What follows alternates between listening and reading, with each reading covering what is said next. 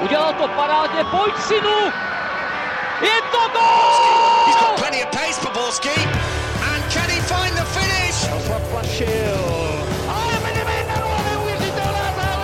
Teď to chtělo přijedat Karlovi do běhu. Teď to chtělo o chviličku dřív.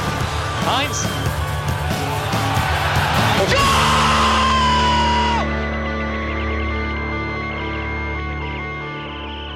Dobrý den. Ve světě fotbalu se toho za posledních pár dní opět událo mnohé, což znamená dvě věci. Opět jsme usedli k mikrofonu, abychom vše zhodnotili a vy si doufáme tuhle informacemi nabitou hodinu užijete.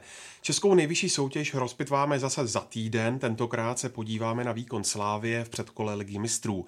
Naší pozornosti neuniknou ani další české týmy v evropských pohárech, ať už Sparta, která blesku rychle skončila, tak taky Sigma Olomouc. Největším tématem tohoto dílu pak bude Premier League, která startuje o víkendu. Obhájí titul Manchester City, pomohou Liverpoolu posily, bude José Mourinho prvním odvolaným trenérem a jak si budou stát další favorité. Na to vše do chladných studií České televize, kde je v současnosti snad nejlépe v celé horké Praze, dorazili z deníku Sport Honza Vacek, ahoj. Ahoj. Z redakce ČT Sport Honza Lutonský, ahoj. Ahoj. Části o Premier League se budeme věnovat eh, s Jiřím Hoškem ze Seznamu a po telefonu vyspovídáme Pala Prelovského a z redakce webu Sport.cz tu s námi je Pavel Jahoda. Ahoj. A u nového Fotbal Focus podcastu vás zdraví Ondřej Nováček. Začněme u Slávie, která má za sebou úvodní utkání třetího předkola Ligy mistrů, ve kterém před bouřlivou domácí atmosférou uhrála remízu 1-1. O ní rozhodl z pokutového kopu v nastavení Josef Hušbauer. Eh, Honzo Vacku, když vezmeme utkání jako celek, tak eh, pro koho je ta remíza cenější? Strašně těžká otázka, protože vlastně obě mužstva můžou být spokojený s tím, jak ten zápas skončil, ale vlastně taky trošku naštvaný, jak skončil. Protože Dynamo samozřejmě bylo pár desítek vteřin od vítězství, s kterým si myslím, že možná ani nepočítali, že opravdu oni přijeli s tím, že hlavně nedostat gol, nepouštět se do velkých akcí a, a doma si to potom uhrát. Byli blízko, blízko cený výhře a vlastně velkému nakročení k tomu postupu Slávě. Naopak měla dost šancí na to, aby to utkání vyhrála, nakonec to zvládla alespoň zremizovat, takže si myslím, že u obou týmů převádá spíš taková mírná spokojenost, že vlastně před tou odvetou, a to platí hlavně pro Slávy, která byla spíš outsider, tam ta naděje je a je, je reálná. Před zápasem se očekávalo, že Slávia bude od úvodu na hřišti určovat tempo hry a bude mnohem častěji na míči. Start střetnutí nabídl ale úplně opačný pohled, tak kde byl ve hře Slávie problém, nebo ty prognózy byly milné? Pavle? Já si myslím, že milé nebyly, ale přišlo mi, že na hře Slávie se projevila jakási nervozita z toho, že po tom, řekněme, lehkém losu začátku ročníku, kdy všechno vycházelo tak, jak mělo, dařilo se nadmíru skvěle, tak najednou Pražané narazili na soupeře, který je silný na míči, umí rychle přecházet do protiútoku a je fotbalově silný jako celek, který ví, co hrát. A Slávě prostě mi přišla, že ten začátek uh, měla velké problémy s tím, že se tomu tempu přizpůsobit, zalezla zbytečně hluboko a tu iniciativu, o které jsem mluvil, že právě Slávě bude dobývat obranu Kijeva, přebral, pra, uh, přebral soupeř. Uh, tomu moc nepři, nepomohlo ani ta třetí minuta, kdy měl Kiev obrovskou šanci. Myslím, že teďka nevím, kdo střílel, ale bude si to vyčítat ještě dlouho. Já když jsem to viděl, říkám, jak tohle nešlo nedat a Slávě se z toho oklepávala nějakých, řekněme, 20 minut, kdy byla skutečně pod tlakem a nevypadalo to s ní dobře. Ale potom mi přišlo, že Pražané se tomu tempu přizpůsobili, začali najednou lépe hrát, lépe napadat, získávali odražené míče, vysunuli tu hru výše a ta první polovina potom už se dokonce vyrovnala trochu problém vidím v tom, když jsem viděl tu hru, tak eh, třeba co se týče centru do Vápna, tak tam byl a standardek, zejména Miroslav Stoch, eh, tenhle zápas mu úplně nevy, nevyšel, nevím proč, ale ta potence nebo úspěšnost jeho centru do Vápna a mm, rohu byla, řekněme, tristní. Což je škoda, protože Slávě měla ve vzduchu převahu a měla právě z tohle těžit. Trenér Jindřich Trpišovský před zápasem chválil taky defenzivní práci Kijeva. Potvrdil to ukrajinský tým, Honzo? Určitě potvrdil, nepanikařili. Vlastně můžeme se bavit o tom, nebo obecně bylo hodně kladných reakcí, ať už v televizi nebo na sociálních sítích, na výkon Slávě. mě to možná trošku překvapilo, protože byť ani ve druhém poločase od té 60. minuty, jak říkal Pavel, měla, měla Slávě převahu, ale ona vlastně neměla šance. Tam byla jediná šance hlavička toho Deliho, což byla tutovka ale pak tam byly nějaký střely spoza, spoza 16, pak samozřejmě penalta gol, ale že by Slávě měla vyložený šance a měla jich několik, tak to neměla. Furt to Dynamo na mě dělalo dojem týmu, který relativně v klidu si to brání, ví, co dělá a nebej ty penalty, tak to dohráli přesně tak, jak oni potřebovali, takže si myslím, že se to určitě ukázalo, že oni opravdu jsou vyhraný, jsou tu Evropu obouchaný a bylo to znát. Na druhou stranu, aby pro pochvalu pro Slávy, tak mi přišlo, Slávy se dařilo eliminovat ty rychlé breaky, které, nebo přechody do těch křídel, které, kde Kiev má Verbiče a má tam Cigankova, kteří jsou skutečně skvělí, zejména Cigankov, já jsem ho předtím nikdy moc neviděl. A když jsem viděl v těch prvních minutách, co on, jak on působí fotbalově a jak působí ve 20 letech sebevědomě, tak v jeho případě bych se nedivil, kdybychom za pár let ho viděli v daleko lepší soutěži a v daleko lepším týmu.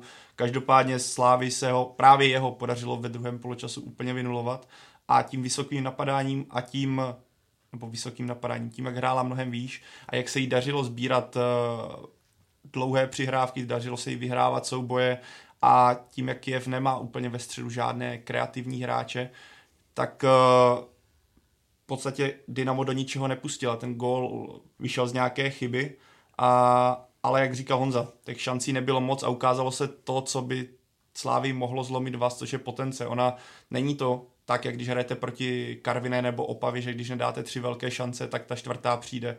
Když jsme to, vezmeme to, Simon Daly měl na hlavě jasný gol a tohle se v tak klíčových zápasech musí dávat. Nakonec to dopadlo ještě dobře pro Slávy, že byla ta penalta, ale teď jsme mohli mluvit o tom, jak Simon Daly nedal vyloženou šanci a Slávě prohrál a bude to mít těžké. Tohle v, od, v odvětě musí Slávě takovéhle příležitosti dávat.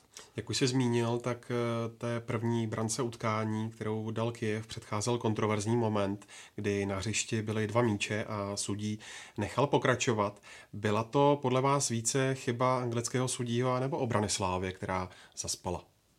Rozhodně podle mého názoru chyba obrany Slávě. Fotbal se hraje na dvě branky 90 minut a dokud rozhodčí nepískne. Rozhodčí nepísknul a z těch dostupných závěrů, co jsem viděl, tak snad všichni slávisté se v té chvíli daleko více věnovali minimálně očnímu kontaktu s rozhodčím, než tomu hráči, který rychle rozehrál. Takže podle mě chyba defenzivy Slávě. Pro mě souhlasím naprosto nepochopitelná věc na tady té úrovni. U tak dobře trénovaného týmu a tak z mého pohledu disciplinovaného týmu, jako je Slávě, tady to se stát, hrozně mě to překvapilo. Hráč Dynama, který měl bon, nemohl vidět ten míč, co, co měl za zády, takže ten logicky hrál. Ty hráči to měli prostě předpokládat a jak tady bylo řečeno, dokud se nepísne, tak se hraje a to, to opravdu byla školácká chyba a pokud se ukáže, že díky tady té chybě třeba Slávě nepostoupí, tak to bude velice smutný. Je tak v podstatě když opomenu tu první tutovku z třetí minuty, tak to bylo jediné zaváhání té obrany, která hrála skutečně dobře. Dařilo se jí sbírat všechno a tohle bylo vidět, poč- začalo to u, už Bauera, který byl nechali se tím míčem zbytečně rozhodit ta záloha. Nenapadli toho hráče. Ingade začal, eh, nebo v tom momentě špatně bránil a to byl takový, řekněme, takový řetěz eh, drobných chyb, které ale znamenaly pro Slávy pohromu. Ale pro mě prostě ta, je pozitivní ta reakce, kterou Slávě dokázala vyprodukovat, tedy že se vrhli do, do útoku a že dokázali skórovat uh, tak sice z penalty, ale dokázali si vytvořit tlak celkem drtivý, uh, což musím přičíst i Teclovi, který myslím, že Jindřich Trpišovský udělal velice dobré střídání, kdy Milan Škoda do toho, v tom utkání poznal, že hrát v České lize a hrát eh, v lize mistrů nebo v předkole lize mistrů je velký rozdíl, kdy měl velké problémy se přes to perské duo prosadit. A to byl právě třeba, jak, jsme, jak se vrátím k té otázce, co měl na začátku, eh, kdy Slávě měla teda mít dominanci. I proto, myslím, hrál Milan Škoda, protože se čekalo, že bude víc do, do Vápna, bude létat více centrů, on bude se dostávat hlavičkám, což se příliš mnoho nedělo. A Stanislav Tecel to příjemně o, oživil, což musím kvitovat výborné střídání ze strany Jindřicha Trpišovského. No a když už jsme u té penalty, tak mě zajímá, zda podle vás byla a proč nenásledovala červená karta, ale jenom žlutá. Podle mě, co jsem viděl, tak penalta byla. Viděl jsem samozřejmě tenhle zákrok písknout.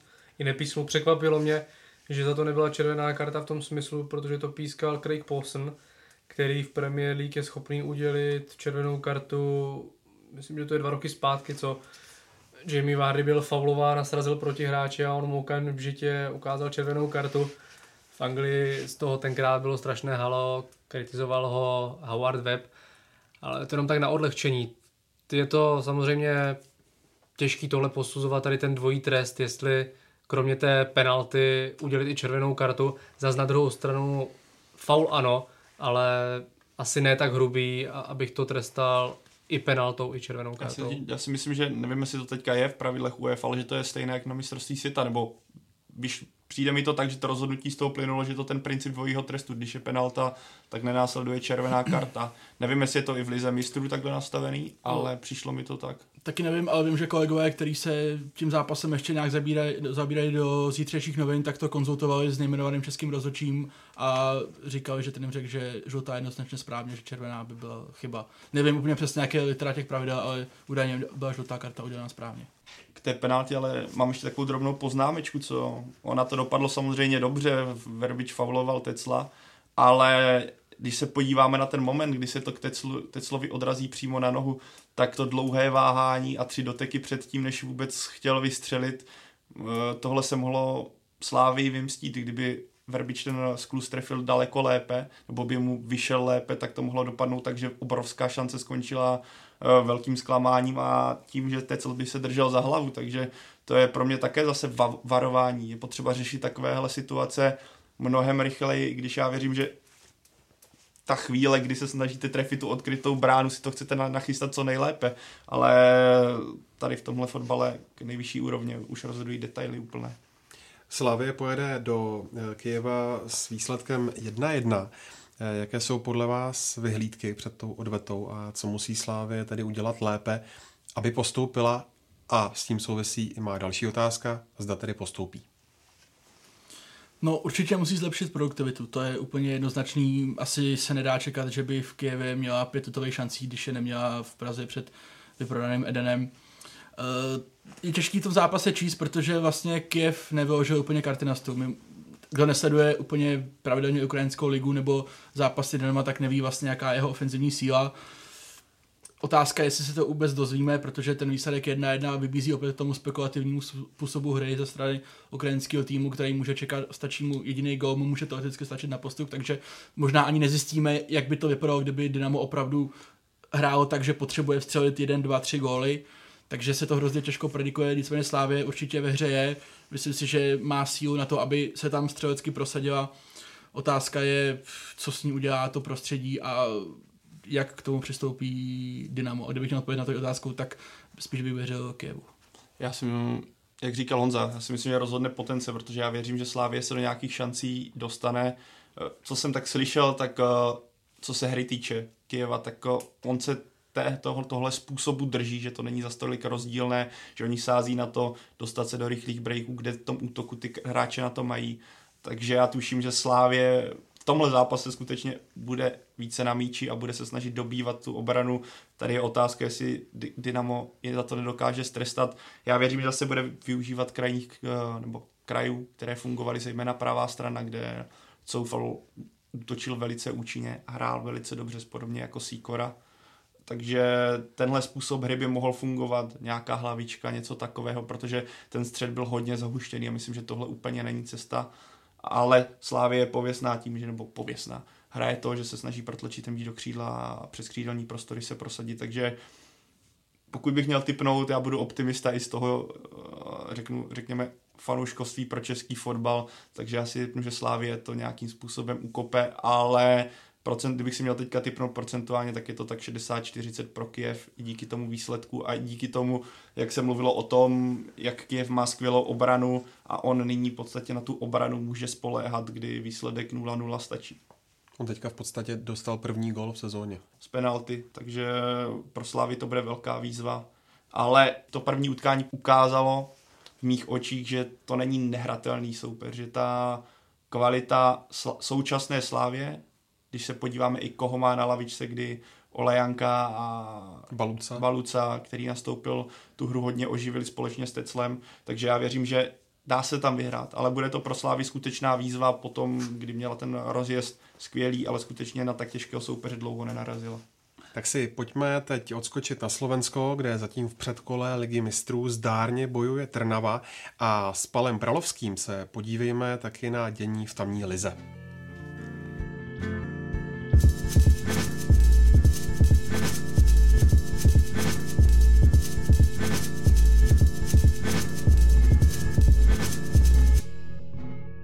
Palo v předkole Ligy mistrů zatím září Trnava, která nečekaně přešla přes Ligy Varšava a v úterý uhrála remízu 1-1 na půdě Červené zvezdy Bělehrad. Jsou pro tebe výkony slovenského mistra překvapením a kde je ta jeho hlavní síla? Tak překvapení je to určitě pre mňa, lebo nečekal som, že prejdú cez Legia Varšava Čiže to, to ma dosť prekvapilo, hlavne keď e, sa v podstate trápili aj s Mostrom, keď doma uhrali víťazstvo 1-0 a vonku remizovali. Hmm.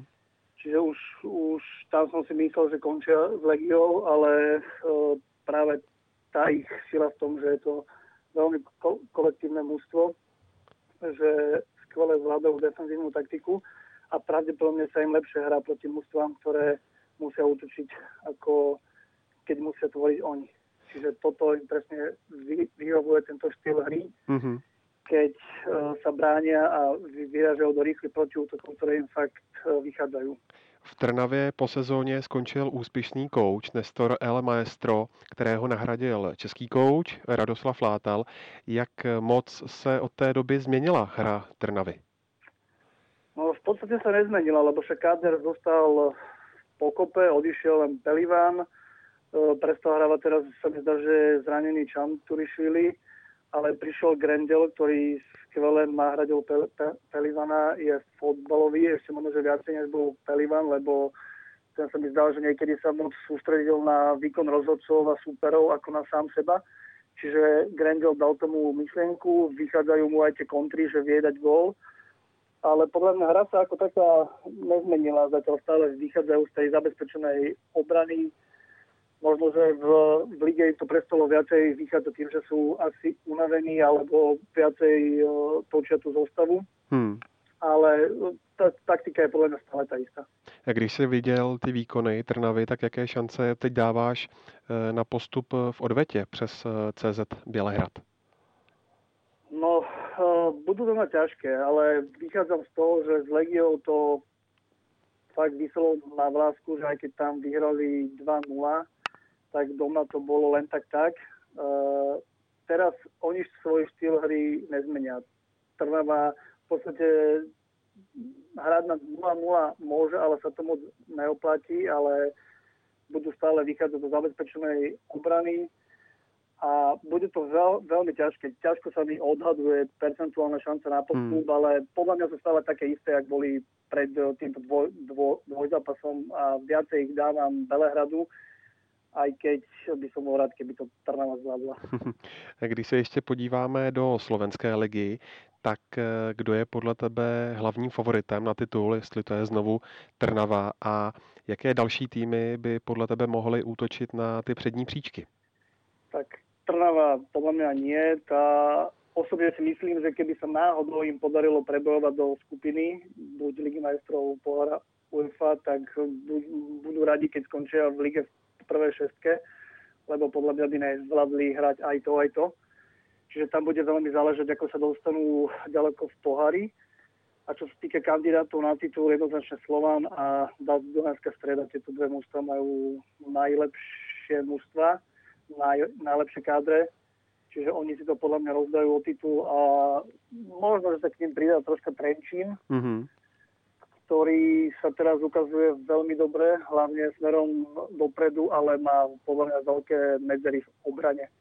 Čiže z rozdajú si to medzi sebou Slován s, do, do, s stredou. Mm-hmm. A mimochodem, e, s Trnavou se taky mluvilo o možné korupci. Jak vůbec vlastně celá ta kauza dopadla? Uh, záver asi ešte nie je, vyšetruje sa to, ale uh, nemyslím si, že to, čo vyšlo von, čo tam bolo to ovplyvnenie Brankara a Ružomberka, tak nemyslím si, že by v tom mala prostý Trnava. Tam skôr, ak, ak to niečo bolo, tak podľa mňa stávkovanie, ale ne, neviem, nevidím do toho. Mm-hmm. Ale každopádne výkony rozhodcov minulý rok boli zvláštne na Trnavskom štadióne, ale tak to už, to už je minulosť. Jasně. Eh, na Slovensku taky nově působí český kouč David Holoubek, který přišel z Liberce a teď eh, úspěšně vede právě tebou zmiňovaný Ružomberok. Je na hře jeho svěřenců už znát eh, jeho rukopis?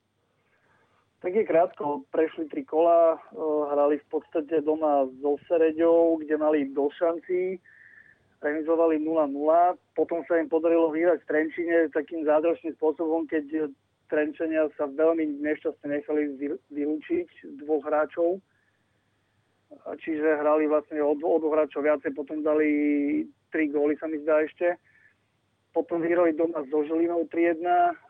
No, zmenila sa útočná časť hry. Tá určite išla hore, veľmi tam pomohol Tandir, ktorý prišiel z Fritku Mísku sa mi zdá, z druhej Českej ligy. Mm-hmm ten im začal dávať góly, lebo minulý rok mali presne s týmto problémy, že vlastne pred dvomi rokmi odišiel Jakub Mareš do Slovana, tak odvtedy vlastne nemali strelca. Teraz to vyzerá, že, by, že ho našli. A v útočné hre išli určitě hore. No a když se podíváš na úroveň slovenské ligy a srovnáš ji s Českou ligou, eh, kde spatřuješ největší rozdíly, mě třeba teďka napadá, že vlastně v České lize bude ten podobný systém eh, toho play-off, ale eh, jsou třeba ještě nějaké další rozdíly? Určite sú hlavné rozdiely v infraštruktúre štadionov, aj keď na, teda na Slovensku sa to začína troška meniť k lepšiemu. V Nitre teraz otvorili nový štadión, v Trenčine akože stavajú, tam to je furt také všelijaké. Čiže zle je to, že napríklad Trenčín hrá v Mijave svoje domáce zápasy, Sereď hrá tiež v Mijave svoje domáce zápasy. Mm-hmm. Čiže tým pádom no, tie zápasy sú bez, bez fanúšikov v podstate. Čiže hlavný rozdiel je v tomto, že v Čechách chodí na futbal veľa, veľa ľudí, aspoň na väčšinu štadionov, kdežto na Slovensku je to málo. No. Ako tým pádom aj tí hráči možno, že podvedome pristupujú k tým zápasom inak. Určite sa im hrá lepšie, keď tam je 8, 9, 10 tisíc divákov. Na Sparte asi aj viacej niekedy, ako, ako keď hrajú pred tisícovkou. Čiže toto je jeden veľký rozdiel, tým pádom je tam väčšie nasadenie. V Čechách e, vládne, aj keď minulý ročník sa mi to už nezdalo, ale predtým viacej defenzíva pred ofenzívou. A médiá sa viacej venujú futbalu v Čechách než na Slovensku, tým pádom má ten futbal o mnoho iný obraz spoločnosti. Hmm. A čo sa týka k samotnej kvality, tak uh, určite vyššia v Čechách. To vidíme to hlavne na európskych pohároch, kde České mústva v podstate pravidelne už hrávajú skupiny, kdežto na Slovensku sa vypadne aj nie vždy, teda niekedy to je zhoda náhod, že sa vy, vypadne, hej, ale v druhom, treťom pre, pre, predkole my vlastne v auguste už končíme pohármi. Čiže určite tá kvalita je na českej strane, aj keď u nás tie mústva ako je Slován, aj keď ten nie vždy to potvrdzuje, alebo Trenčín, Žilina, teraz Dunajská streda by sa podľa mňa v tej prvej 5 6 uplatnili aj v Českej lige. Tak uvidíme, jak to dopadne, třeba už teďka brzo s Trnavou.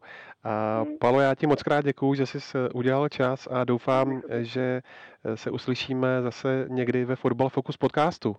Nech se páči, když budete, mať, keď budete chcieť, tak zavolajte.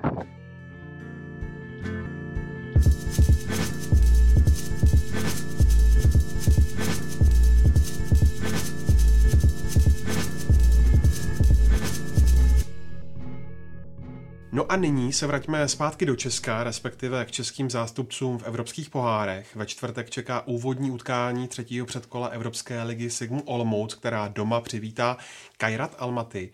Eh, jak těžký soupeř na Hanou podle vás vlastně přijede?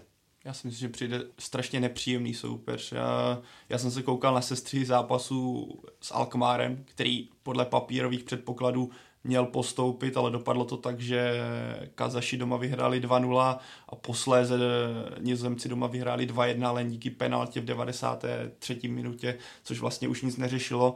A Olomouc čeká těžký úkol, protože Almaty jsou týmem, který vychází hlavně z zajištěné obrany a přechodu do rychlých protiútoků. Z toho vlastně padly ve všechny tři góly. Z toho, že Almaty přešlo do rychlého breaku, je tam útočník ukrajinský a teď se podívám na to jméno, který se jmenuje Eseola a musím uznat, že on je skvěle rychlostně vybavený, skvěle technicky vybavený na úroveň toho týmu. A když připočteme k tomu Andreje Aršavina, myslím, že nemusím dále vysvětlovat, kdo to je, a Brazilce Izaela, kteří jsou té útočné trojici a ta, která funguje velice dobře, co jsem viděl v tom zápase, tak na tohle si Sigma musí dát velký pozor, aby jim tam dvakrát, třikrát neutekli a nebylo z toho 3-0. Takže pokud bych měl odhadnout, jak ten zápas bude vypadat, tak to bude to, že Sigma bude na míči a bude dobývat obranu Kazachů, která zase není tak uh, pevná. Hodně prostoru bylo třeba po křídlech, ale ten zápas je pro mě hodně otevřený a neviděl jsem ty zápasy celé, takže bude to trochu i neznámá v tohle pohledu.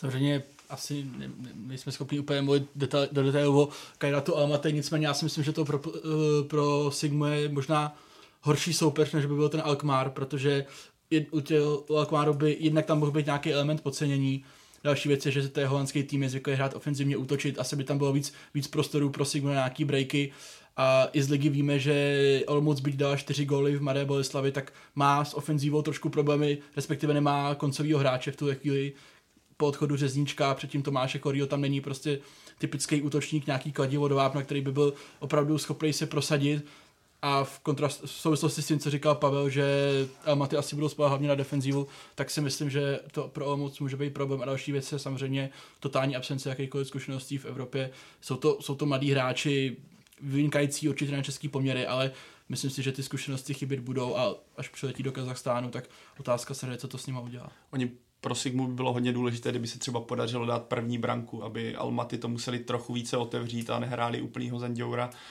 Sigma musí z tohoto zápasu vytěžit, protože když vezmeme v potaz, Almaty cestovalo z Kazachstánu, je tam nějaký časový posun, ten eh, pro mě dokonce, jak se říká, že za první zápas venku je lepší, kdy potom hrajete doma, tak já věřím, že pro Sigmu mohl být tenhle scénář, kdy hraje doma, první zápas dokonce lepší v tom případě, pokud vyhraje a Almaty by doma muselo útočit. Ono skutečně v tom za, uh, duelu proti Alkmáru hrálo pořád ze, ze zabezpečené obrany, nikam se nehnalo, i díky tomu vítězství domácímu, které bylo jasné a dokonce mohlo být i vyšší, tak potom mělo karty rozdáno jasně. Takže kdyby třeba Sigma dala rychle gól, vyhrála 1-0, 2-0, třeba 2-1, mohla by potom hrát klidněji v Kazachstánu, kdy se bude muset ona vypořádat s tím posunem, takže tenhle první zápas, já si myslím, že bude až klíčový pro ten vývoj, protože třeba prohrát tady, tak to prosím bude extrémně, extrémně těžké a dokonce bych řekl i neřešitelné.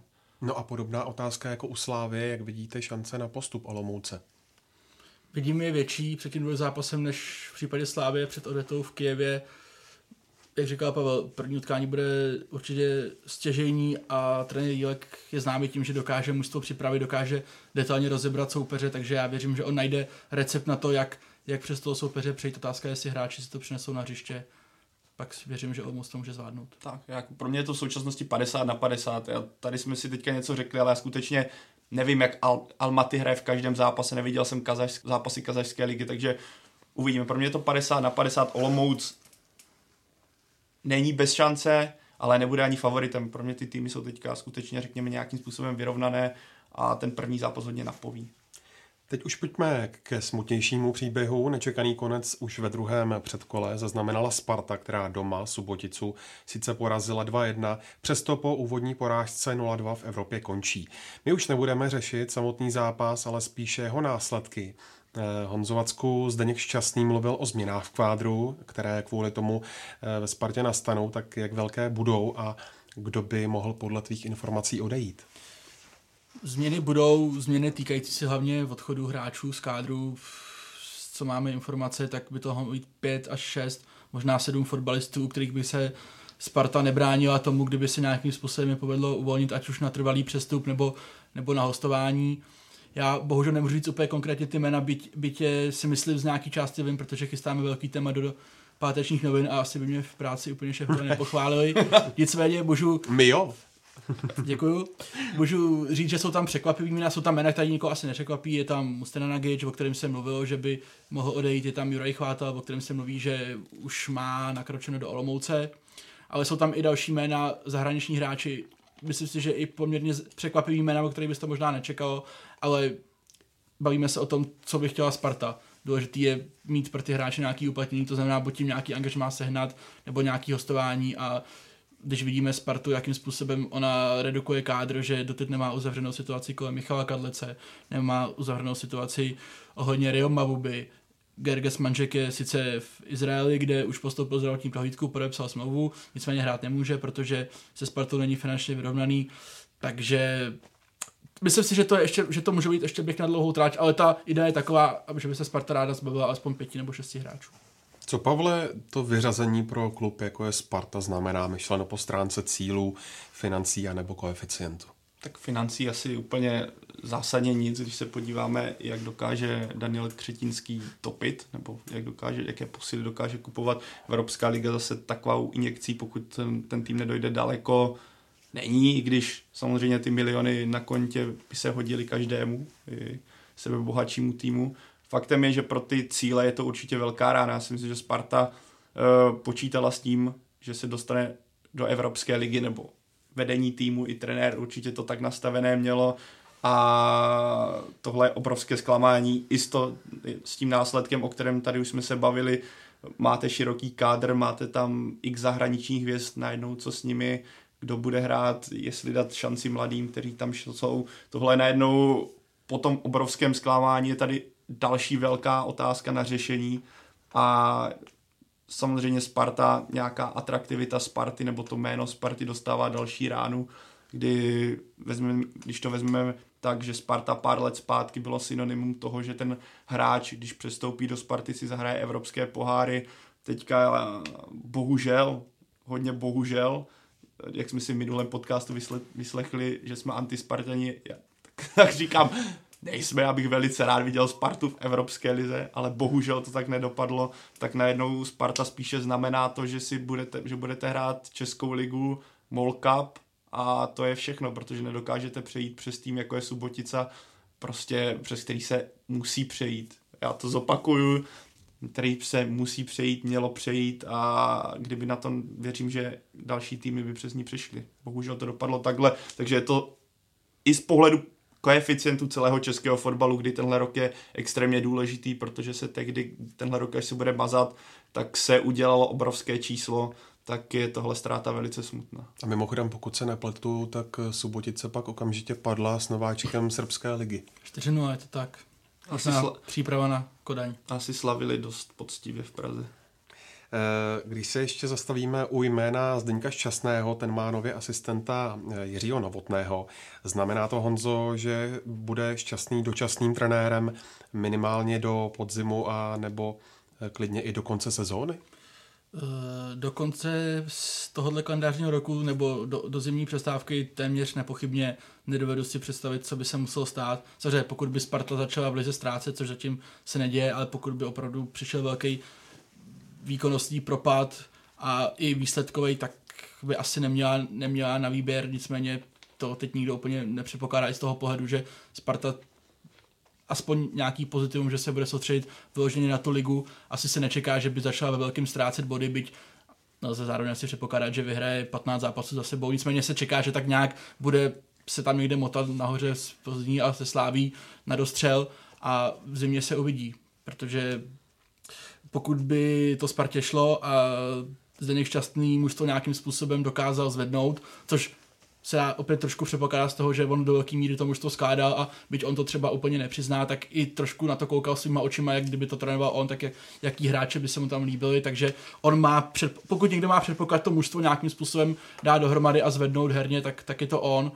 A pokud by se mu to povedlo, tak si dovedu představit, že mu v zimě bude řečeno, aby, aby sezonu dokončil. Pak by byla samozřejmě otázka, zda on by na to kývnul, já si myslím, že ano. A pak je tam ještě třetí element, což je majitel pan Křetínský který se netají tím, že by chtěl trenéra zahraničí, opět by to chtěl zkusit tady tu zahraniční cestu, tak pak je opět otázka, jak pokud mu by se naš, povedlo najít nějakou hodnou alternativu, tak možná i přesto, že Spartě by se dařilo a byla by nahoře, tak by možná v zimě šla do nějaké změny, ale muselo by to být opravdu něco pro ní zajímavého a realizovatelného a víme z minulosti, že, že to není úplně jednoduchý převést zahraničního trenéra a vytvořit mu ty podmínky, které on potřebuje, ať už časově, tak finančně. Takže kdybych já si měl vsadit nějaký svoje peníze, tak bych řekl, že trenér šťastný nebo sportovní ředitel Zdeněk šťastný bude u týmu až do konce sezony. A velkým tématem taky byli fanoušci Sparty, kteří v utkání se Suboticou vtrhli na hřiště na letné. Pavle, jak by se klub k jejich chování měl postavit a eh, jak očekáváš, že se k tomuhle ryze stupidnímu počínání postaví UEFA? No je to dost smutný, a protože z jednoho pohledu teďka, když to vezmu to fotbalové, já vím, že Spart dopadlo to tak, jak to dopadlo, ale když jsem viděl, kolik si Sparta byla schopná vytvořit šancí, tak tady byla pořád teoretická šance, že by ten zápas eh, dokázala ještě zvrátit, ale tohle je od vlastních fanoušků, řekněme, kůl dozad, úplně zbytečně vyrušíte ten tým z, nějaké, z nějakého tempa, rozhodčí to samozřejmě vidí, takže eh, ho to jistým způsobem také ovlivní, takže jenom tady z tohohle hlediska mi to přijde strašně, když to řeknu slušně, velice smutné a nešťastné, já si myslím, že klub bych těmhle lidem, abych je neoznačil ani za fanoušky, to jsou, řekněme, lidé, co chodí na fotbal a chtějí, chtějí tam dělat problémy. Já si ani nemyslím, že to je celý kotel, nebo že je to problém celého kotle Sparty. Já si myslím, že spousta lidí z kotle Sparty s tím byla nešťast, nespokojená. Faktem je, že proti těmhle lidem kteří jsou na kameře, by se mělo postupovat tvrdě, mělo by se jim zakázat vstupovat na stadion a měli by si ty pokut, tu pokutu, kterou Sparta dozajista dostane, Eh, klidně zaplatit sami, protože tohle tohle ne, není dětská hloupost, tohle je neustále se opakující příběh v případě Sparty. A jak říkal Josef Šural, nebo myslím, že to byl Josef Šural, OK, nadávejte po zápase, je to OK, je to v pořádku, ale tohle udělat během zápasu, vzpomeňme na, bude to zase trošku nadsazené přirovnání, ale kdyby v 99. vtrhli fanoušci Manchester United během finále uh, ligy mistrů v 89. minutě s tím, že jsou nespokojení, že jejich tým nevyhrává nad Bayernem, tak jak by to dopadlo? Asi by to nedopadlo tak, že byl historicky nejlepší obrat. Tady jsme se taky teoreticky, když víme, jak Sparta hraje, asi by to tak na 99% ne, nedopadlo. Ale je to takové pro mě, ale zbytečně ten tým oslavíte. Mělo by se proti tomhle lidem prostě postupovat tvrdě a Sparta by se proti ním měla vymezit, ale Viděli jsme už dřív, že se tyhle případy opak eh, staly a nic zásadního úplně se nezměnilo na těch tribunách. A to nemyslím, Sparta určitě zakročila, ale nic se nezměnilo z pohledu fanoušku. Já si myslím, že Sparta má tady v tom směru dost omezený možnosti, co, co s tím může dělat, pokud opravdu by nechtěla k tomu přistoupit radikálně, jak říkal Pavel, což historie možná bohužel ukazuje, že Sparta nechce úplně úplně se dostat do nějakého opravdu velkého konfliktu s tím nejtvrdším jádrem, nechce proti ním jít úplně cestou nějakých persekucí, takže pak to bohužel dopadá tak, že se ty situace opakují. Já si myslím, že by Sparta tady v tom směru byla být, měla být mnohem, mnohem tvrdší vlastně za poslední roky.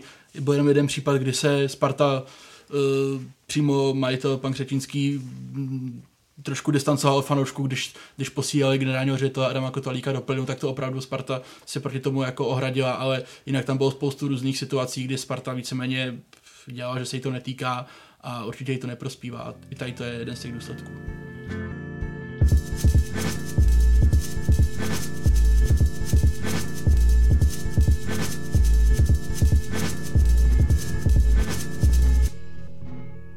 Tak a teď už se k nám přidal i Jiří Hošek ze Seznam zpráv. Ahoj. Ahoj, ahoj, děkuji za pozvání. A my taky děkujeme a vrhneme se rovnou na závěrečné, ale obsáhlé téma, kterým je start anglické Premier League. V pozici obhájců titulu jdou do ročníku hráči Manchesteru City. Jirko, je podle tebe City hlavním favoritem na titul i v téhle sezóně? Já se domnívám, že není důvod se domnívat, že by tomu mělo být jinak než v loňské sezóně. Možná ten náskok nebude těch propastných 19 bodů, možná se Citizens nepřehoupnou přes hranici 100 bodů, ale eh, bylo opravdu pozoruhodné, že úplně všichni hráči, kolegové, novináři, agenti, eh, trenéři, se kterými jsem na téma Premier League mluvil, tak všichni bez výjimky typují první dvojici Manchester City, Liverpool a jediný Luděk Staněk, kolega se seznamu, si myslí, že, že Liverpool eh, nakonec Manchester City v uvozovkách šmikne. Eh, myslím si, že Liverpool byl jediný tým, který se opravdu maximálně plácnul přes kapsu. Vždycky se vyrojí spekulace, kdo který trenér od managementu dostane na přestupní období, jestli to je 100-150 milionů liber. Eh, tak u toho Klopa to vypadá, že ten ty peníze reálně, reálně dostal. Ale myslím si, že z hlediska šíře kádru, z hlediska toho, že na každou pozici má Pep Guardiola vlastně konkurenci dvou, tří hráčů, že v loňské sezóně strašně zlepšili hru směrem dozadu a zjednodušili to, jak fungují kolem soupeřovi 16, že už to není takové to, že se dostanou k rohovému praporku eh, a zase začnou ze zadu od brankáře, že teď skoro každá útočná akce končí buď nebezpečným centrem nebo, eh, nebo střelou, eh, tak já považuji Citizen za největší favority. Není tam nějaká slabina přece jenom, kterou by mohli zalepit, nebo je ten příchod Maréze uh, dostatečný?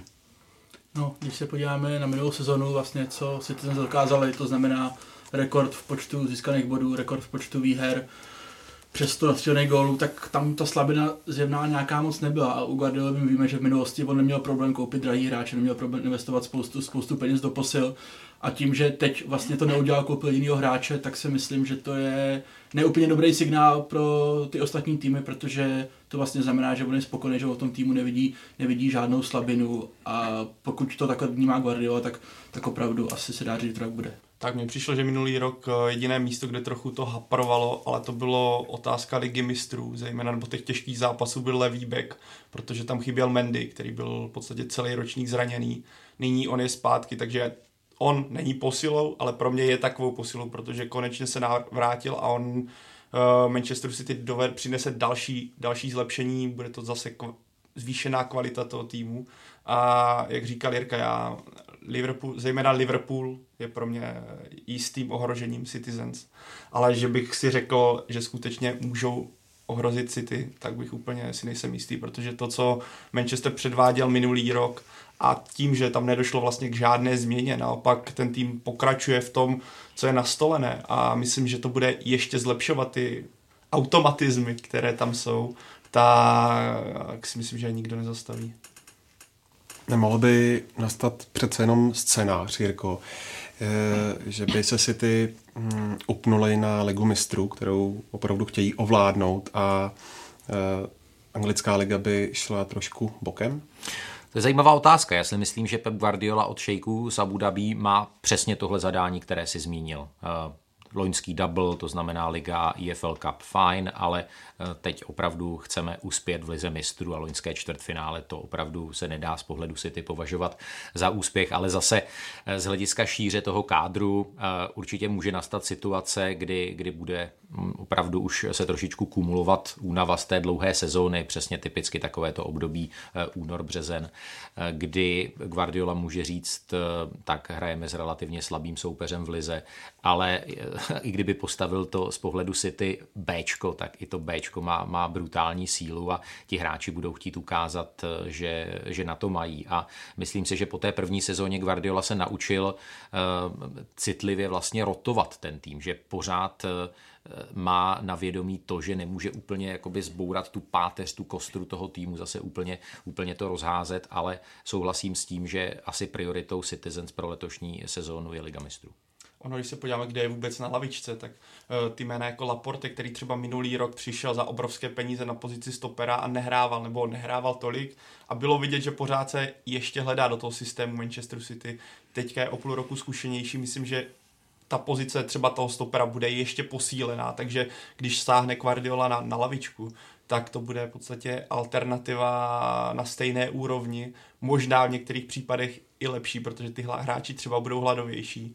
A duo Gabriel Jesus, Sergio Aguero, pff, kdo má lepší útok asi v současnosti v Premier League. Uh, Nenapadá mě. A celkem mě zaujalo jméno Phil Foden, který je označován za novodobého Andrese Iniestu anglického fotbalu, kterému je 18 a vyšel snad je to přímo místní hráč z Manchesteru a od něho se čeká, že by mohl do anglické, byl takovým tím kreativním záložníkem, který třeba v anglické reprezentaci teďka chybí a v, téhle, v tomhle, téhle sezóně by měl konečně dostávat větší prostor, takže třeba na tohle jméno, které v, té, v tom kádru třeba tolik nevyniká, protože má, má tam Silvu De Bruyne, o kterém se bude mluvit nejvíce, ale pokud bych měl upozornit na jedno jméno a on dostane příležitost, tak uh, myslím, že by lidé měli sledovat právě jeho, protože to by mohla být velká hvězda budoucnosti, pokud tu příležitost skutečně dostane a dostatečnou.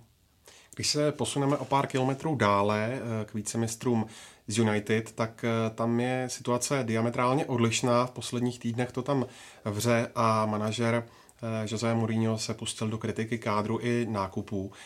Souhlasí Širko s názorem portugalského trenéra? Ano i ne.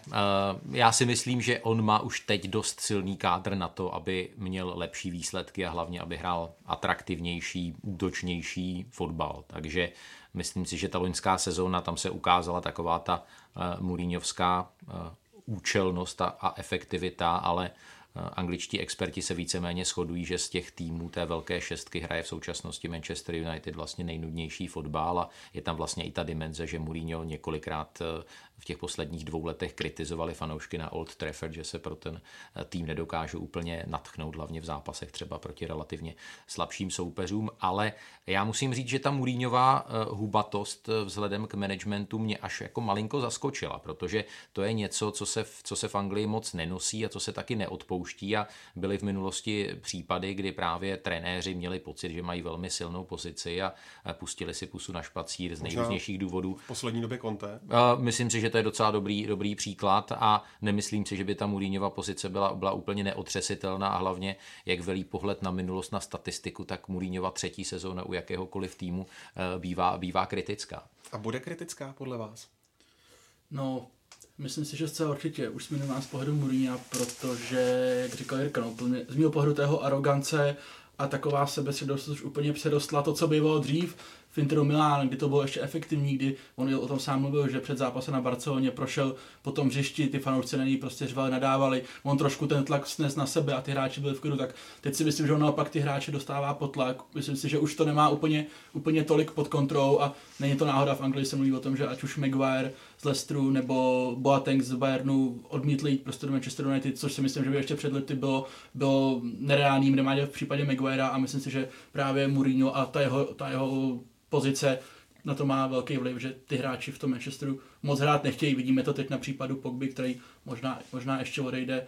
Myslím si, že tam je to z mého pohledu otázka času, než tadyhle to partnerství nějakým způsobem skončí, protože já v tom nevidím, nevidím smysl, kam by to mohlo dojít k něčemu dobrému.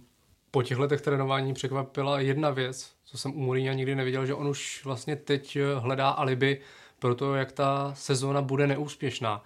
Teďka bylo dva týdny zpátky americké turné a hráli proti Liverpoolu, prohráli 1-4 a Mourinho po zápase svými klasickými výroky typu, že na takový zápas by si samozřejmě lístek nekoupil a že ti lidi, co přišli, tak fotbalu nerozumí, tak se ho potom ptal reportér, jestli se mu Alexis nezdál nějaký smutný. A on odpověděl stylem, jestli viděl, co má kolem sebe za hráče, že to by byl každý fotbalista smutný, tak to si myslím, že Střílení do ostatních Mourinho praktikuje od té doby, co byl v Portu, ale střílení do vlastních řad, to už si myslím, že ani u něho není obvyklé. A, a říkal to i Paul Scholes, který přirovnal to, že kdyby Guardiola přišel na Old Trafford, tak by v současné době nevěřil, co všechno tam je možné.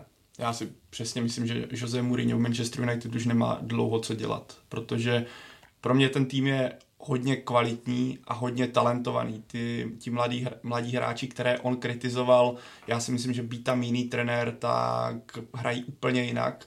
Ten fotbal, co Manchester United, já jsem teda osobně Manchester United nikdy neměl moc v lásce, ale to je úplně vedlejší, ale ta, do, jakého, do jaké situace se právě United dostali v současnosti, mě naopak uh, mě jich je skoro líto, protože ten fotbal, který oni praktikují, on, já už bych ho ani nenazval účinným, to je prostě nudné nevyužití potenciálu, který ten tým má, uh, jenom neustála kritika Marciala, který je podle mě má obrovskou budoucnost před sebou a v současnosti je v takové situaci, že to vypadá, že brzy z Manchesteru odejde. Pro mě je to takové, i ta kritika těch mladých hráčů, že po Mourinhovi může zůstat spáleniště, eh, kterého ten následující manažer bude litovat, protože spoustu talentů může zmizet a střílet do mladých hráčů to je velice smutný případ. Já si myslím, že Manchester United by udělal skutečně nejlíp, kdyby se Mourinho co nejdřív zbavil, protože pro mě už je to trenér za Zenitem, který může i trénovat reprezentaci, anebo týmu podobný Interu Milan, tedy starší hráče, hotové hráče, kteří utvoří nějakou jedenáctku s třemi hráči na lavice, která bude fungovat a nebude potřebovat velké vymýšlení, co se taktiky týče, ale ne tenhle mladý, relativně mladý tým, talentovaný tým, který má velký potenciál. Mourinho by měl, jak jsem mluvil třeba o portugalské reprezentaci, OK, ale Mourinho v Manchester United pro mě v současnosti nemá co dělat. No, eh, já souhlasím se vším, co říkali moji předřečníci na adresu Manchester United a možná bych se ještě vrátil do léta, tuším roku 2013, kdy se rozhodovalo o nástupci Sir Alexe Fergusona a eh, Mourinho tehdy vlastně byl, byl k máni a Ono to není úplně přesně verifikované, ale, ale jedna z verzí, které já osobně docela věřím, eh, je, že právě Alex Ferguson si nepřál, aby, aby Mourinho eh, asi i vzhledem k tomu, jaký má osobnostní profil, aby převzal Manchester United a teď, teď si myslím, že se tak jako mezi řádky ukazuje, jak to Sir Alex možná myslel. Ne, že by tedy on měl s Davidem Moisem úplně šťastnou ruku, ale eh, Vlastně, vlastně po té, co odešel Alex Ferguson, byť Manchester United vyhrál několik trofejí, vyhrál EFL Cup, vyhrál FA Cup, jestli se nepletu, vyhrál Evropskou ligu, tak eh, nemůžeme říct, že by dokázal, dokázali vlastně na Old Trafford navázat na tuhle mega úspěšnou éru. Byť ta kvalita herní je evidentní. No a ty si, Honzo, zmínil jméno Paula Pogby. Jak moc reálné je, že by skutečně odešel například do Barcelony, která je s ním spojována? No mě eh, zaskočilo to, že eh, údajně, je to tedy zdroj Sky Sports, nabízela Barcelona pro mě docela zajímavý a atraktivní balíček 45 milionů v britských na dřevo plus kolumbijský stoper Mina plus záložník Gomez za, za Paula Pogbu. Tam je samozřejmě pravdou to, že eh, Pogba si může spolu se svým agentem hodně, hodně diktovat. To je opravdu taková persona, že ten, když někam jít úplně třeba nechce, tak eh, přesto asi jakoby nejede vlak jakkoliv je eh, zjevná snaha Mourinha podepsat nějakého, nějakého vynikajícího stopera. Mina, jak víme, odehrál fantastické mistrovství světa, je velmi žádaným hráčem.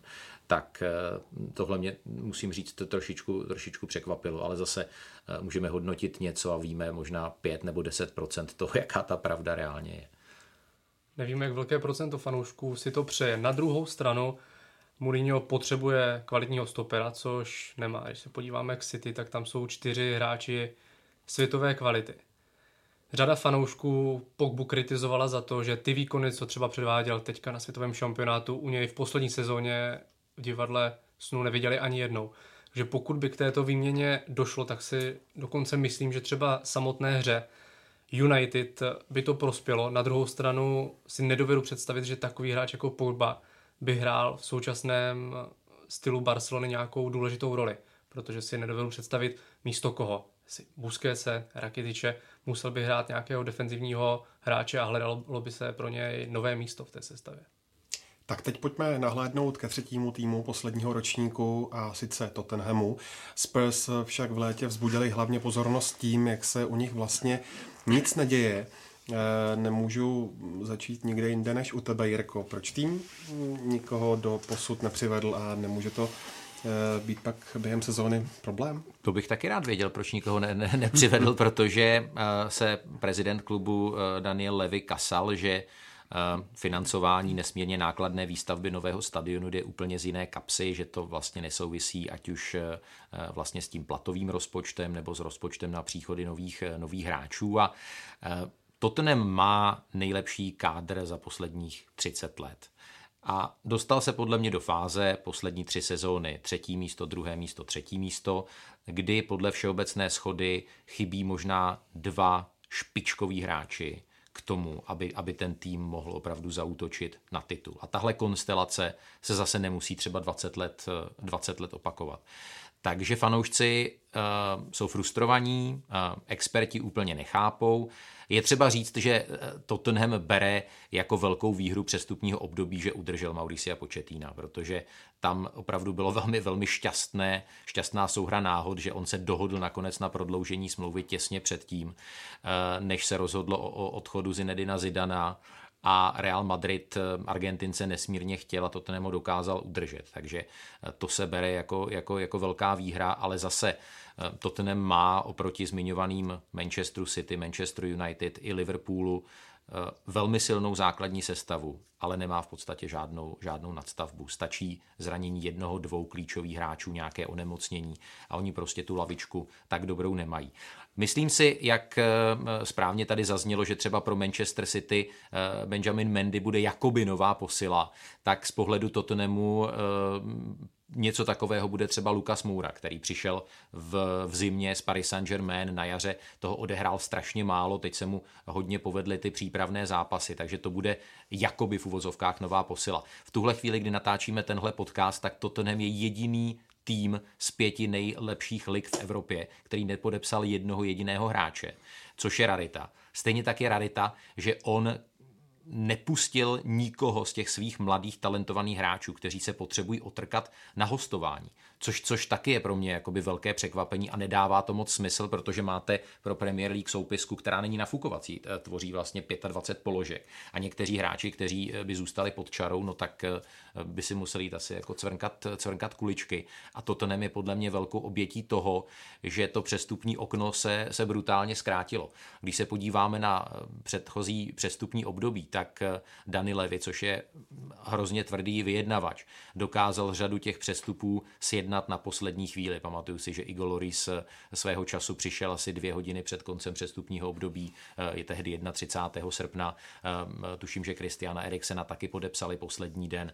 Já si myslím, že nakonec přijde Jack Grealish z, z Aston Villa, tam to vypadá relativně nadějně, ale zase nechápu, proč i v jeho případě se to tak vleče. Tak prostě dám na stůl 20-25 milionů a uh, jako jdu o dům dál. Jak moc velkou devizou Honzovacku může být to zářijové otevření nového stadionu? Určitě to pomůže, to myslím si, že každým týmu se hraje líp, když, když je prostě doma ve svých podmínkách, by to tenhle neměl minulou sezónu úplně špatnou domácí bilanci, tak Jirka to bude a když končili na starém Varhatlin, tak tam si měli sérii několika, jsem 10-11 výher v řadě a opravdu, opravdu tam měli sezónu bez porážky doma. Obro, obrovsky silný a myslím si, že může jim chvilku trvat, než se třeba na tom novém stadionu aklimatizují, ale to je otázka pár zápasů a myslím si, že to, že to může být, určitě jim to může hodně pomoct. Jenom bych trošku navázal na ty přestupy, já v tom trošku cítím, takovou víru v toho početína, že jestli někdo umí pracovat s mladýma hráčem a umí rozvíjet stávající kádr, tak je to on. Je to v mých očích úplný opak Mourinho, o kterém jsme se bavili, že opravdu ten početíno tadyhle to umí. Já jsem spíš trošku čekal, že třeba přijdou dva, tři hráči mentalitou trošku vítězný typy, protože jestli se dá něco to tenhle vytknout, tak, tak je to právě to, že ten tým nemá objektivně žádnou výraznější slabinu, určitě bude hrát znova výborně, určitě bude nahoře, ale v těch sezónách vždycky jsou nějaký momenty klíčový, který ten tým jako nezvládne. Američané proto je takový hezký spojení excellent waiting to happen, což znamená, že vždycky se prostě stane, stane nějaká chyba v tu nej, nejhorší možnou chvíli a to se trošku bojím, že tento tahem prostě neodbourá, pokud trošku typologicky nezmění to mužstvo, co se týče charakteru těch hráčů, což se nestalo, takže u, uvidíme. Já si k tomu ještě můžu dodat, eh, naprosto, naprosto souhlasím. Eh, četl jsem jednu analýzu, která vlastně říká, že eh, ten nedostatek aktivity na přestupním trhu je vlastně obrovskou pochvalou a vyjádřením důvěry i, i ten kádr, že to je vlastně vzkaz toho vedení, včetně, včetně trenéra Početína, my vám věříme včetně tohoto složení, věříme, že je tam dostatečná soutěživost, věříme, že hráči typu Sisoko, typu Lamela, kteří se pohybují někde na hraně eh, té základní sestavy a, eh, a lavičky se dokážou ještě víc zvednout, zvednout psychicky, ale souhlasím s tím, že Eh, Tottenham by potřeboval, eh, byť se zbavili takové té svojí psychické křehkosti, kdy před pár sezónami, kdykoliv letěl center do 16, tak se fanoušci klepali, prostě z toho evidentně jako čišelo nebezpečí.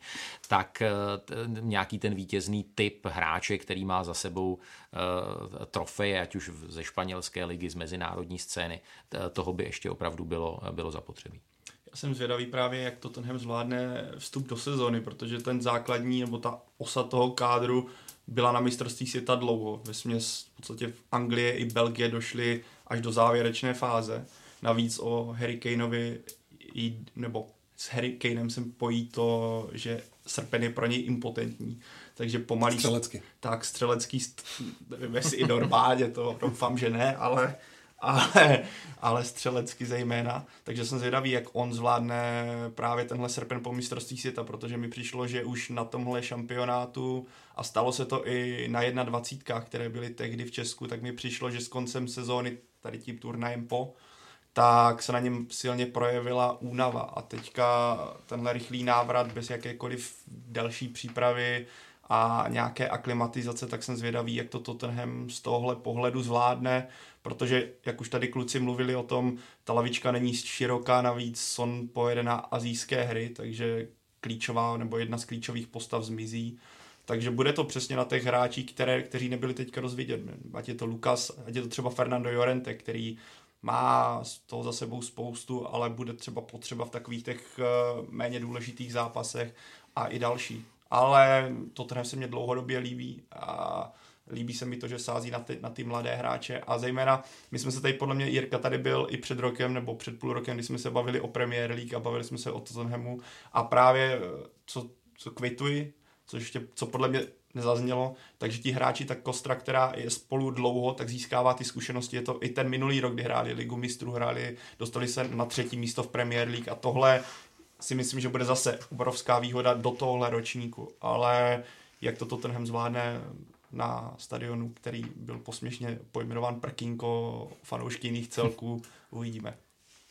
Eh, jestli nás poslouchá Ludek Staněk, tak teď míříme k Liverpoolu, který přes léto výrazně posiloval. Jirko, jak ty nové příchody hodnotíš? No jednoznačně pozitivně. Já si myslím, že Naby Keita, Fabinho v, v záloze utěsnili ty, ty, ty otvory a zvýšili uh, možnosti Jirgena Klopa tu, tu sestavu poskládat různým způsobem. Vlastně odešel Emre Can, který potom už vlastně v těch posledních měsících nedostával tolik příležitostí.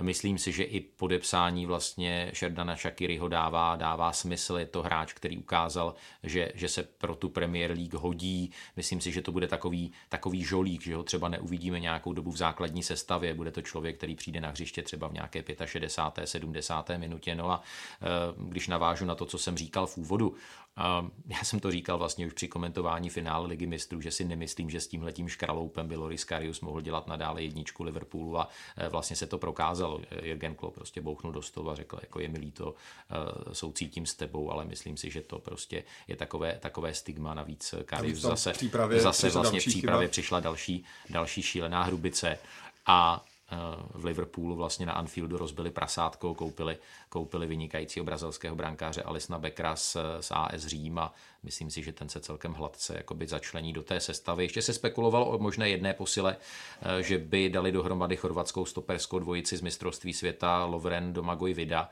Eh, nevím, jestli se to nakonec ještě, ještě nezadaří, ale Liverpool podle mě má spolu s Manchesterem City takovou jakoby vnitřní sílu a takový prvek zastrašení toho soupeře, že ať hrajou doma nebo hrajou venku, tak oni si vytvoří šance na vstřelení 4-5 gólů. A to je podle mě psychicky eh, jako fantastický, fantastický vklad do té sezóny. Takže, ehm, jak zaznělo už v úvodu, já Liverpool považuji za, za druhého hlavního favorita letošní sezóny. Přece jenom Honzo Lutonský, viděl bys tam i nějakou slabinku? Po těch letních nákupech si myslím, že ne. Jak tady říkal pan Hošek, Alisson je brankář z Itálie, který tam měl loni nejvyšší procento úspěšných zákroků. Muž s úžasným životním příběhem.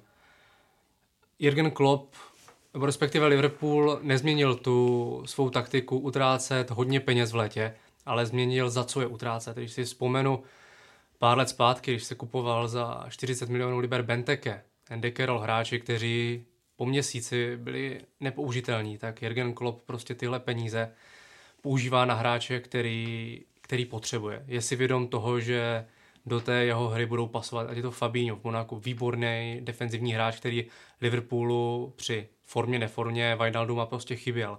To stejný Keita. Žádný jiný hráč Bundeslize od jeho příchodu nedal tolik gólů spoza šestnáctky, to taky Liverpoolu po té, co odešel Coutinho, chybělo.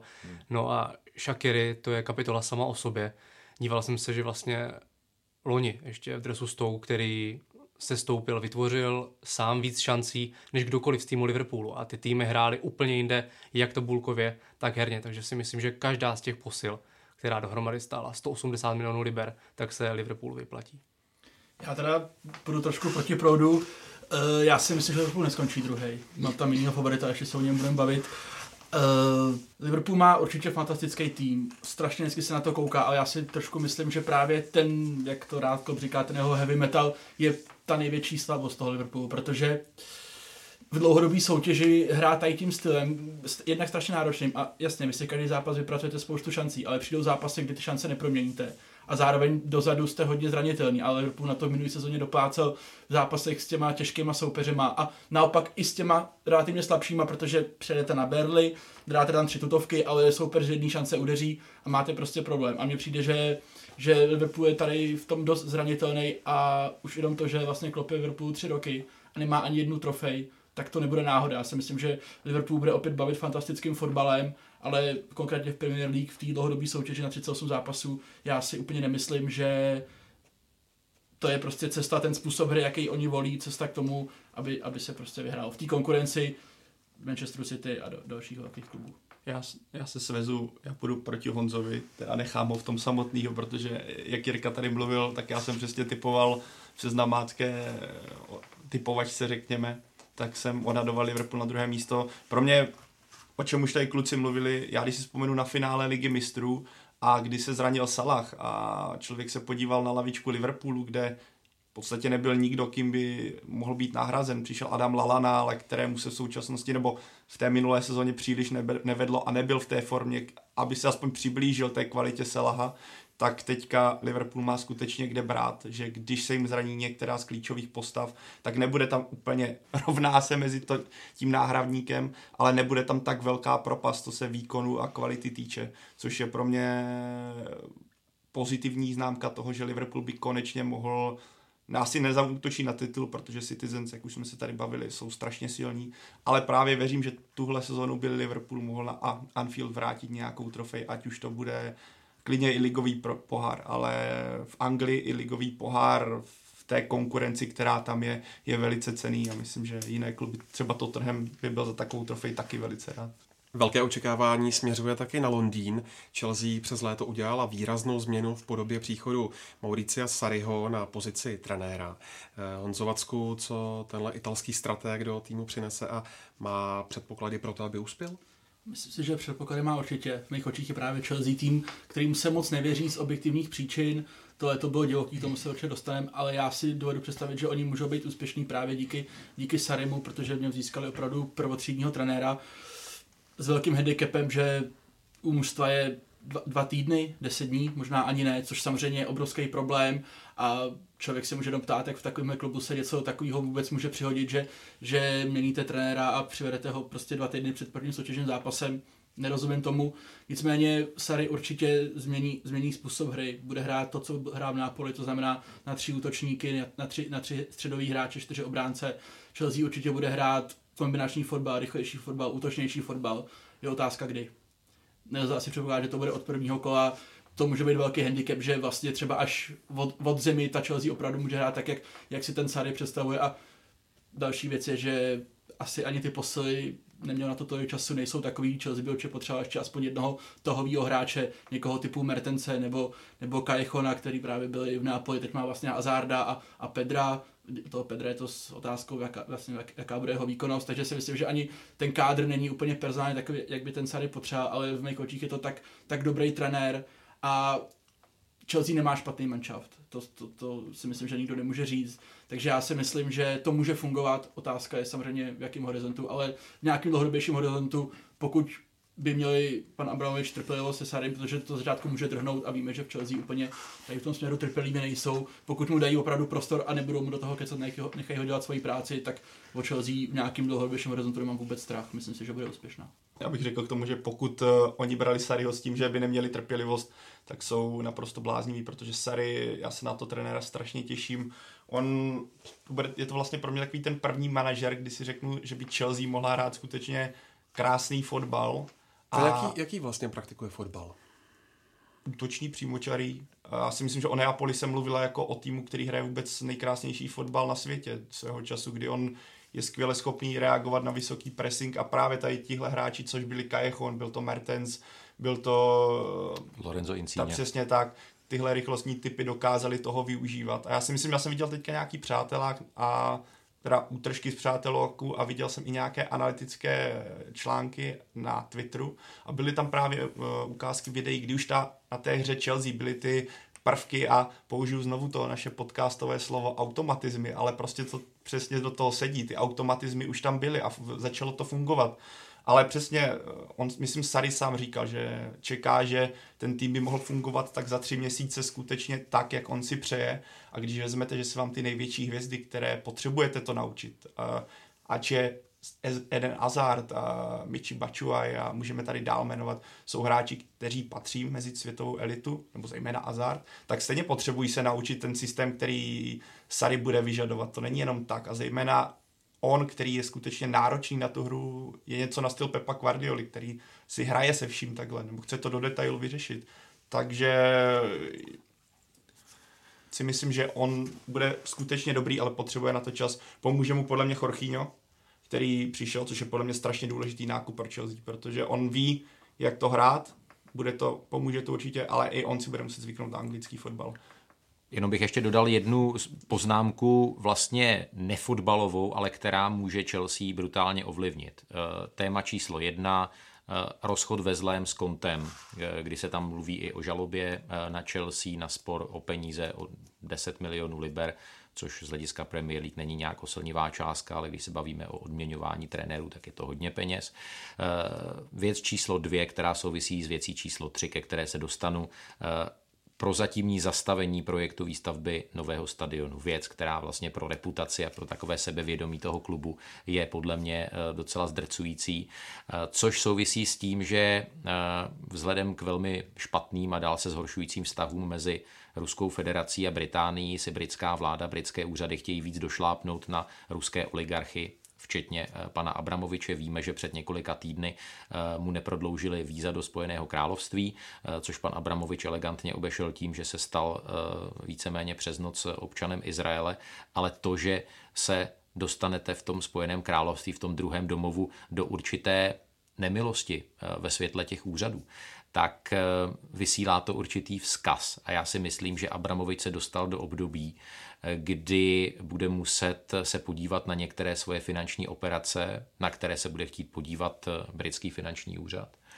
A myslím si, že se blíží doba, kdy nebude ochotný nebo možná nebude schopný pumpovat do toho západu londýnského klubu eh, tolik peněz, jako to dělal poslední dekádu. A myslím si, že Chelsea, jakkoliv eh, příchod eh, Mauricia Sariho je opravdu velmi, velmi pozitivní, tak eh, nemusí čekat úplně snadné časy. V Chelsea proběhla brankářská rošáda, do Reálu míří, anebo ve chvíli, kdy tohle vydání už posloucháte, tak zamířil belgičan Thibaut Courtois. Z Bilba naopak přišel za v přepočtu 72 miliard korun španělský mladík Kepa. Je to, hm, co myslíte, je to pro Chelsea ztráta, nebo je to dobrá náhrada a padají eh, tedy tímhle spekulace o možném návratu Petra Čecha? Ty spekulace určitě padají, myslím si, že to byly vyložené spekulace, že to nikdy nebylo reálně na stole, že by, že by k tomuhle došlo. Pokud jde o brankářskou situaci v Chelsea, není, není to pro ně absolutně žádná výhra, protože mají neprověřenýho golmana, který neukázal podle mě zatím úplně tolik, aby jsme si o něm mohli říct, že to je třeba top 10 golman prostě v Evropě, to si myslím, že rozhodně není. A další věc samozřejmě je ta částka, která je úplně nesmyslná, neodpovídající, ale vychází z toho, že všichni ví, že potřebujete golmana, máte na to 24 hodin, abyste ho sehnali, takže tomu odpovídají samozřejmě potom i ty požadavky těch, těch klubů. Je to pro mě další velká záhada, protože o tom, že Courtois by mohl odejít do Realu, jsem mluvil od, od zimy, možná od loňského léta, takže v Chelsea museli tušit, že k tomu může, může dojít a je pro mě velký překvapení, že to teda řeší takové na poslední chvíli. Vzpomeňme na, jak teď říkal Honza, vzpomeňme na Decheu, který když přišel do Manchester United, teďka je tam opora, ale první rok, jaký měl, eh, dělal chyby, než si zvykl na ten anglický styl fotbalu, než se vůbec anklimatizoval v tom anglickém prostředí. Ono je to detail, ale najednou se ze sluného Španělska ocitnete v Anglii určitě pomůže Kepovi to, že v týmu je několik Španělů, takže tohle je dobrá věc, ale myslím si, že nemůžeme říct, že Courtois rovná se Kepa. Za prvé je mladší, má méně zkušeností a jak říkal Honza, eh, nemá, neodehrál tak skvělý minulý ročník, že bychom si tady říkali, jo, super nákup. Třeba kdyby přišel Oblak, o kterém se taky mluvilo z Chelsea, stál by víc, ale zrovna u něj bych si řekl, OK, tak to je v podstatě kus za kus, nemám o něj strach. I v tomhle případě budou muset fanoušci Chelsea mít trpělivost, podobně jako se Sarim, ať už to je třeba co se kooperace s obranou týče a dalších věcí. No a poslední z favoritů, o kterém jsme nemluvili, je Arsenal. Eh, u Gunners skončila éra Arzena Wengra, kterého nahradil Unai Emery. Eh, přinese podle vás tahle změna eh, vytoužené zlepšení, Honzo? Kežby. Řekl bych fanoušek Arsenalu, protože 22 let je opravdu hodně samozřejmě úspěchy, které dosáhl Arzen Wenger s Arsenalem mu nikdo neodpáře, ale ta změna měla, všichni cítí, že měla přijít opět 6 let klidně dříve. Unai Emery v Sevě toho dokázal s průměrným týmem tehdy španělské ligy opravdu hodně i v Evropě, co se týče Evropské ligy. V Paris Saint-Germain tak úspěšný nebyl, ale to byl úplně jiný styl pracování s klubem a myslím si, že Arsenal je daleko podobnější se Sevillou na rozdíl od Paris Saint-Germain v práci s mládeží, protože Sevilla má jednu z nejlepších akademií ve Španělsku. To tež platí o Gunners v Anglii, takže si myslím, že on dokáže jednak dobře pracovat s mladými hráči a ty posily, které přivedl, mají taky hlavu, patu. Není to stejné kritérium, jako měl Arzen Wenger, že nekupoval hráče nad 18 let, a kte- kteří stáli víc než 10 milionů liber. To Unai Emery nedělá. Otázkou je, jaký styl, jakým stylem vlastně Arsenal bude hrát. Bude hrát určitě jiným stylem než pod Arzenem Wengerem, ale na soupisce ten tým vypadá hodně dynamicky, hodně rychle a myslím si, že bude silný. On je Emery celkem známý tím, že rád hraje stylem, že bude vysoko napadat, on eh, rád využívá i pečlivou analýzu, co se o něm mluví, tak je milovníkem videa, že rozebírá každý detail v té hře, ale pro mě Arsenal je, řekněme, nadprůměrným týmem anglické ligy a zejména pokud teda bych měl říct proč, tak je to otázka obrany, která mi přijde skutečně až průměrná na to, co, když se podíváme na Premier League a, a příchod, příchod Kraty se to nějak nezvedl. Já si myslím, že Arsenal potřeboval nějakou, i když by byla drhá nějakou hvězdu do defenzivy, která by to pozvedla, protože už v minulé sezóně Arsenal dostal 51 branek, což byl snad uh, sedmý nejhorší výsledek. Ne, za teda byl za sedmi týmy z té špičky. I Barnley byl lepší, i desátý snad Newcastle byl lepší. A nečekám, nebo nemyslím si, že příchod Sokratise a Lichsteinera, kteří mají zkušenosti, ale že by to mělo vytrhnout. Takže tohle je pro mě hlavní obava. Věřím, že co se dopředu, hry dopředu týče, tak může Emery přinést spoustu zajímavého. Tam jakási kvalita je, ale spíš čekám, že Arsenal se bude pohybovat opět kolem šestého místa, že to nebude výstřel zpátky mezi nejlepší týmy Premier League v současnosti. Na pozici brankáře přišel Bernd Leno. Eh, Honzo Vacku, jak tady vidíš souboj, když se obloukem vrátíme k Petru Čechovi o post brankářské jedničky? Bavil jsem se o tom v Rusku během mistrovství světa s několika anglickými novinářema a všichni se shodli na tom, že ta pozice Petra Čecha je v tuto chvíli asi nejslabší za tu dobu, co je v Arsenalu, s tím, že by měl sezonu začít jako jednička, ale je tam vysoký předpoklad, že v nějaký fázi toho ročníku se do branky dostane Leno a už v ní zůstane, stačí nějaká jedna chyba, nepovedený výkon, zdravotní problém. A ještě dokonce tady ty sezóny to dospěje k tomu, že Leno bude jednička a Petrček bude dvojka v létě asi budeme muset řešit s agentama, co teda dál, protože si myslím, že se mu bude chtít vysedávat na více. No a v úterý taky vyšlo na povrch, že většinový majitel Arsenálu, americký miliardář Sten Kroenke, chce koupit 30% podíl od minoritního vlastníka klubu, kterým je ruský podnikatel Ališer Usmanov. A jak to tak vypadá, tak Usmanov podíl skutečně prodá. Řada fanoušků je tím mírně řečeno zaskočena. Eh, co by se teď mohlo podle vás v Arsenálu dít? Já chápu reakci fanoušků, protože Krenke je známý tím, že to je opravdu tvrdý biznismen. V Severní Americe má několik klubů od amerického fotbalu po klasický fotbal, NHL a ty kluby fungují ne úplně ekonomicky dobře. Že samozřejmě tam je to trošku jinak nastavený, jsou tam platové stropy, ale ty kluby nemusí naplnit ty platové stropy, což ty jeho kluby tak činí, že opravdu on těch peněz do toho nedává tolik, což samozřejmě v Arsenalu platí dlouhodobě a tady tím by se ještě trošku mohla ta uzda ještě víc, ještě víc přitáhnout, takže chápu tady z toho pohledu fanoušky, že se jim to úplně líbí. Na druhou stranu ta struktura vlastnická Arsenalu byla dlouho tak nepřehledná a, a když to řeknu, tak do toho kecalo tolik lidí, hmm. že na druhou stranu zase to může být trošku to, to přelití té finanční moci na jednu stranu může být vlastně výsledku i docela pozitivní. Premier League si zahraje taky další Čech a sice Matěj Vidra přestoupil do Burnley. Eh, jak tenhle přestup hodnotíš, Honzo? Já jsem za něj rád. Z pohledu fanouška českého fotbalu si myslím, že Matěj Vidrovi bude styl Burnley rozhodně sedět, protože ne, že by v útoku nebyla konkurence, ale ať už Ashley Barnes, Chris Wood, nebo teď si nespomínám na toho, na toho třetího, ale všichni jsou to útočníci silní ve vápně, na které se hrajou vysoké centry, které potom sklepávají, ale Matěj Vidra je úplně jiným styl, styl útočníka, který na Turfmore chyběl. Rychlý hráč, který dokáže přejít jednoho na jednoho, takže si myslím, že on, pokud se mu povede ten úvod sezony, tak má na to odehrát slušný počet minut. Berlin navíc čeká Evropská liga, nebo v předkole snad Evropské ligy tak. A pokud by to zvládlo, tak je tady předpoklad, že budou další zápasy a minimálně, i kdyby v tom nejhorším případě Matěj Vidra měl zatím sedět na lavičce a Burnley to skutečně zvládlo, tak je tady předpoklad toho, že dostane šanci třeba v Evropské lize, může se víc ukázat, takže pro mě tenhle přestup dává smysl, protože Burnley nedělá žádné velké nákupy, nepouští se do nějaké milionové hry, ten kádr zůstal víceméně neměný. Bude samozřejmě složité pro ně zopakovat podobný výsledek, protože se na ně nyní bude každý soustředit. Sedmé místo v Premier League bylo obrovskou senzací, nebo obrovskou senzací, velkým překvapením a budou to mít tenhle rok mnohem těžší, mnohem těžší i, i s tím, že by hráli Evropskou ligu, protože ten kádr není tak široký. Ale i to všechno hraje víceméně Matěj Vidrovi do karet, že i kdyby se nedařilo, tak bude dostávat, eh, může se dostat na hřiště, kdyby ze začátku nehrál. Takže pro mě ten přestup dává smysl.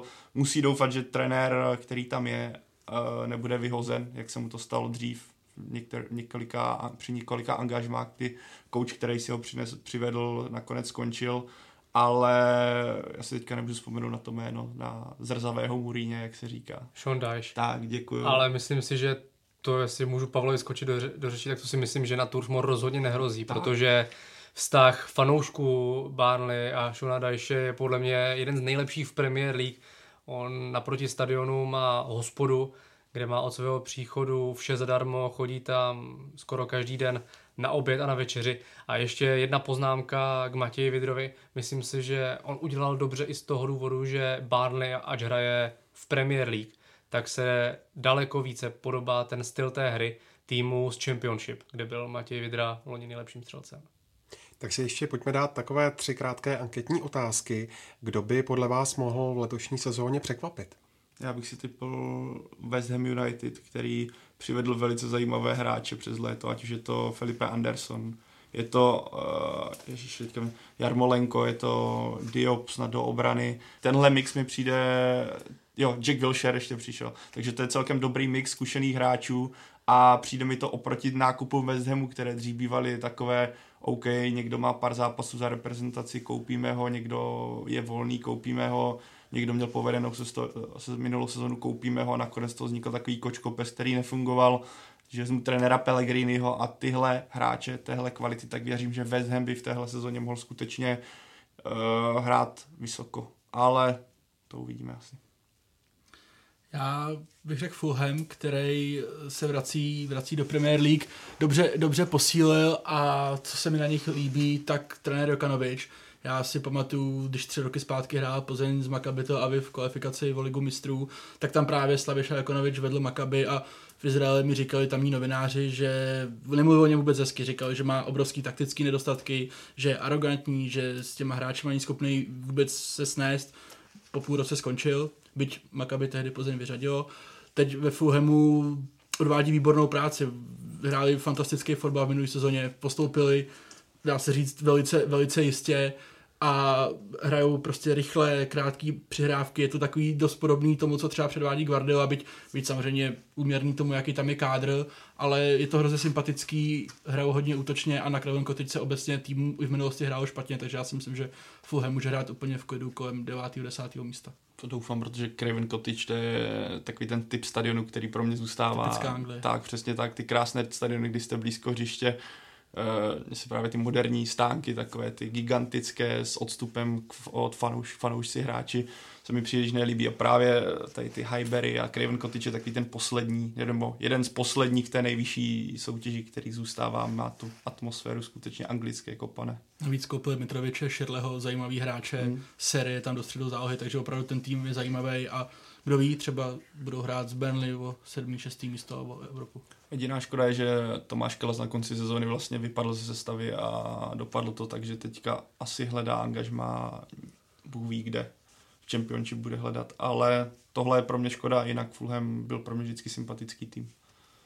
Já se budu držet Honzy a připojím Wolverhampton, protože když jsem ho loni sledoval, tak eh, hrál jak hezký fotbal na oči, tak eh, to měl i dobře spočítané, protože tu ligu prakticky od začátku až do konce vedl. A coach Santo je podobný, mi přijde stylem Jirgena Klopa, on už tam působí několikátou sezónu a ten tým si říkajíc piplá. Každý rok přivádí jednu, dvě posily, kterou, které pak zapracovává do toho týmu. A myslím si, že Wolverhampton může v Premier League určitě být v top 8 ne výš. Tam je vidět uh, vliv agenta Cristiana Ronalda, vlastně Bendeze. Přišel teďka Joao Moutinho, přišel Rui Patricio, takže jako řekněme hvězdy světového fotbalu. Já jsem přesně Wolverhampton, to může být takový tým, o kterém řekněme moc fanoušků, kteří se zase tolik o anglický fotbal nezajímají, neví ale ten tým vůbec není slabý na to, že je nováček a skutečně může, jak říkal Honza, může letět hodně vysoko, může být třeba, řekněme, na úrovni Burnley, které minule skončilo sedmé. I kvůli tomu, že jako nováček má na standardní finanční možnosti, hmm. protože pokud se nepletu, tak za ním stojí čínští akcionáři. Tak jdeme dál. Eh, kdo si myslíte, že bude největším zklamáním v tomhle ročníku Premier League? Už to zaznělo, já si myslím, že to bude Manchester United pro mě. Manchester United jednoznačně, pokud to bereme z pohledu nějakých očekávání a tradice toho klubu, tak United z mého pohledu skončí mimo top 5, takže určitě oni. No a kdybyste ještě měli postupně vyjmenovat nejlepší šestku? Já si to, to řeknu rychle. Pro mě to, když jsem to typoval, tak to byly City, Liverpool, Chelsea, Tottenham, United a Arsenal. Liverpool, City, Tottenham, Arsenal, Leicester a Wolverhampton. Eh, Manchester City, Chelsea, Liverpool, Arsenal, Tottenham United. Tak jo, tak to je z dnešního Fotbal Focus podcastu všechno. Pánové, vám díky moc, že jste si udělali čas a děkujeme taky vám, posluchačům, že jste nový díl doposlouchali až do konce. Pokud máte chuť si pustit další díly, můžete jít na naše stránky čtsport.cz anebo využít podcastových aplikací na mobilních telefonech. A najdete nás taky klasicky na Soundcloudu, v iTunes a YouTube. Mějte se pěkně.